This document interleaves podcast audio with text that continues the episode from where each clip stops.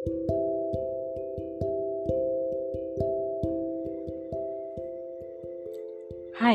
hello. Kembali lagi bersama Insani Chani Podcast. Kali ini saya ingin bercerita atau berbagi tentang defamasi atau juga sesuatu yang berkaitan dengan jangan penjarakan jurnalis. Cerita saya ini atau sharing saya malam ini lebih cenderung pada kampanye yang sudah terlalu sering dilakukan oleh jurnalis di mana pun di dunia. Berbagai organisasi pers juga melakukan hal ini. Kampanye Don't Jail Jurnalis sudah dilakukan bahkan lama sekali sejak begitu banyak jurnalis di penjara hanya karena menulis berita. Kita masih ingat kasus-kasus besar seperti kasus Tempo. Kemudian kita juga ingat berbagai kasus lain yang menyebabkan jurnalisnya terpaksa harus dipenjara. Kampanye tentang Don't Jail Journalist merupakan perjalanan panjang memperjuangkan hak hukum jurnalis Indonesia yang menggunakan Undang-Undang Pers Nomor 40 Tahun 99 dan daripada menggunakan KUHP yang selama ini menjadi cara untuk mengkriminalkan jurnalis.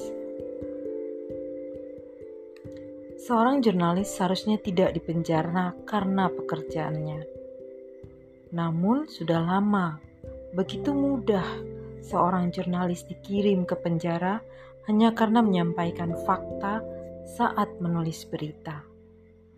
Sebelum era reformasi kita mencatat kasus Ahmad Taufik almarhum yang dipenjara tahun 1995 selama tiga tahun karena dianggap menghina Soeharto, presiden saat itu tahun 1997 dia mendapatkan award dari International Press Freedom.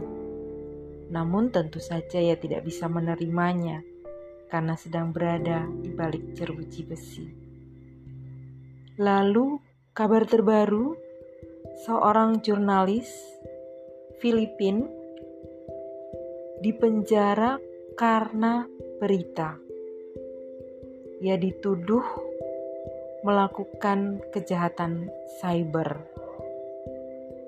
Maria sempat dibebaskan, tapi kemudian atas perjuangan banyak pihak, ia terpaksa harus juga membayar denda sebanyak atau uang jaminan sebanyak 100 ribu peso dalam rupiah sekitar 72 juta untuk bisa melepaskan Maria dari jeratan difamasi atau pencemaran nama baik.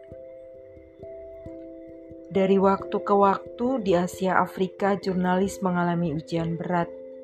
Dikirim ke balik jeruji besi hanya karena menulis berita.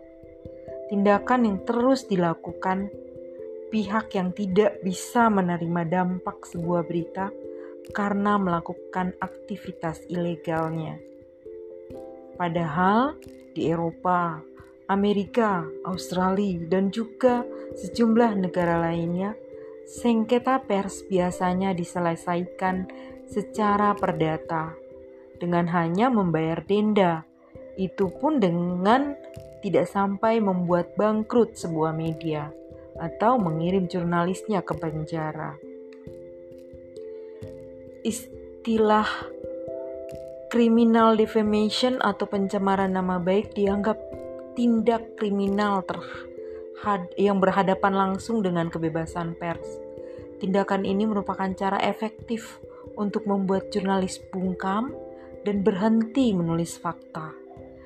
Jika ia dikirim ke penjara karena di pengadilan terbukti bersalah, sang jurnalis akan kehilangan kebebasannya, penghasilan, dan kehilangan pekerjaan, bahkan kesempatan untuk mengembangkan karirnya.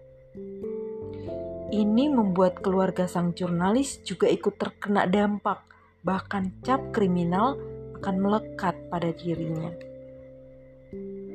Di Indonesia, polisi ngotot memakai undang-undang pidana dan undang-undang cyber sebagai acuan memproses jurnalis dibanding menggunakan undang-undang pers.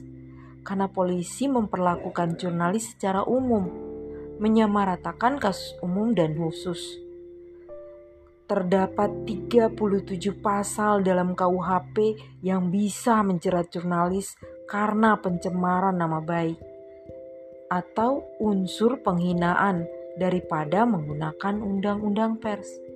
Belum lagi sejumlah undang-undang lain seperti undang-undang ITE.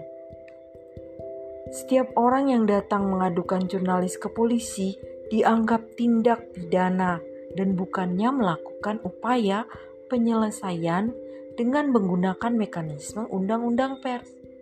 Padahal mungkin polisi bertanya, apakah Anda merasa dicemarkan nama baiknya? Apakah Anda ingin mengoreksi hal tersebut? Apakah Anda ingin dipulihkan nama baiknya? Apakah Anda perlu publik tahu apa yang ditulis itu tidak benar? Jawabannya sederhana tempuhlah mekanisme pers, hak jawab, hak koreksi. Bila tidak puas, lakukan pengaduan ke Dewan Pers. Maka dengan segera hak Anda terjawab dan pers bisa melakukan tugasnya tanpa tekanan. Tapi yang terjadi sebaliknya. Padahal Undang-Undang Pers Nomor 40 Tahun 99 secara jelas mengatur mekanisme langkah hukum yang harus ditempuh pihak-pihak yang bermasalah terkait sengketa pers. Jurnalis tidak ingin diperlakukan istimewa tentu saja. Jurnalis juga warga negara, sama seperti semua warga negara lainnya yang harus taat hukum. Namun sebagai pekerja profesional, jurnalis memiliki aturan hukum khusus yang sudah diundangkan oleh negara. Undang-undang inilah yang memberi hak istimewa jurnalis bekerja atas nama.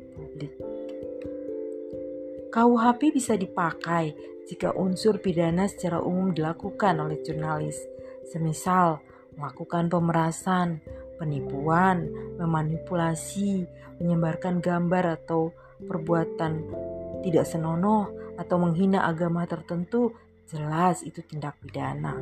Namun berita yang dilakukan dengan investigasi yang panjang, mengungkap kasus korupsi, dugaan tindakan ilegal, tidak sesuai aturan yang berlaku, merugikan negara, membuat pihak-pihak yang diberitakan kebakaran jenggot karena aktivitas ilegalnya Lalu sang jurnalis dianggap melakukan pencemaran nama baik, penghinaan, atau memfitnah. Lalu dikirimlah ia ke penjara. Ini yang harus dilawan. Tindakan arogansi orang per orang yang diberitakan dan menganggap dirinya dicemarkan ini jelas melanggar kebebasan pers, melanggar spirit demokrasi. Seharusnya semua pihak yang merasa dirugikan lebih mengacu pada mekanisme penyelesaian sengketa pers dengan menggunakan undang-undang pers dengan meminta hak jawab dan atau hak koreksi kepada media yang bersangkutan untuk meluruskan berita yang dianggap mencemarkan dan media wajib melaksanakan tuntutan tersebut. Jadi, jika kita bermasalah dengan pers, tempuh aturan yang sudah ada di dalam Undang-Undang Pers. Sebab Undang-Undang Pers juga memperlakukan jurnalis yang terlibat sengketa pers bisa menggunakan hak tolak saat berhadapan dengan penegak hukum. Jurnalis bisa menolak menyebutkan siapa narasumber yang membeberkan informasi untuk menjaga keselamatan sang narasumber. Jika semua orang memahami tugas jurnalis dan fungsi sosial kontrolnya terkait mengkritisi kebijakan negara atau mengawal uang rakyat untuk digunakan tanpa penyalahgunaan alias korupsi, sehingga tidak ada yang disebut pencemaran nama baik. juga menggunakan mekanisme undang-undang pers sebagai acuan hukum dalam sengketa pers, alih-alih mengirim jurnalis ke penjara. Seperti itu kira-kira. Kalau Anda bermasalah dengan jurnalis, mintalah hak jawab sesuai aturan mekanisme undang-undang pers. Itu saja sharing saya kali ini. Sampai ketemu lagi di episode berikutnya. Amato.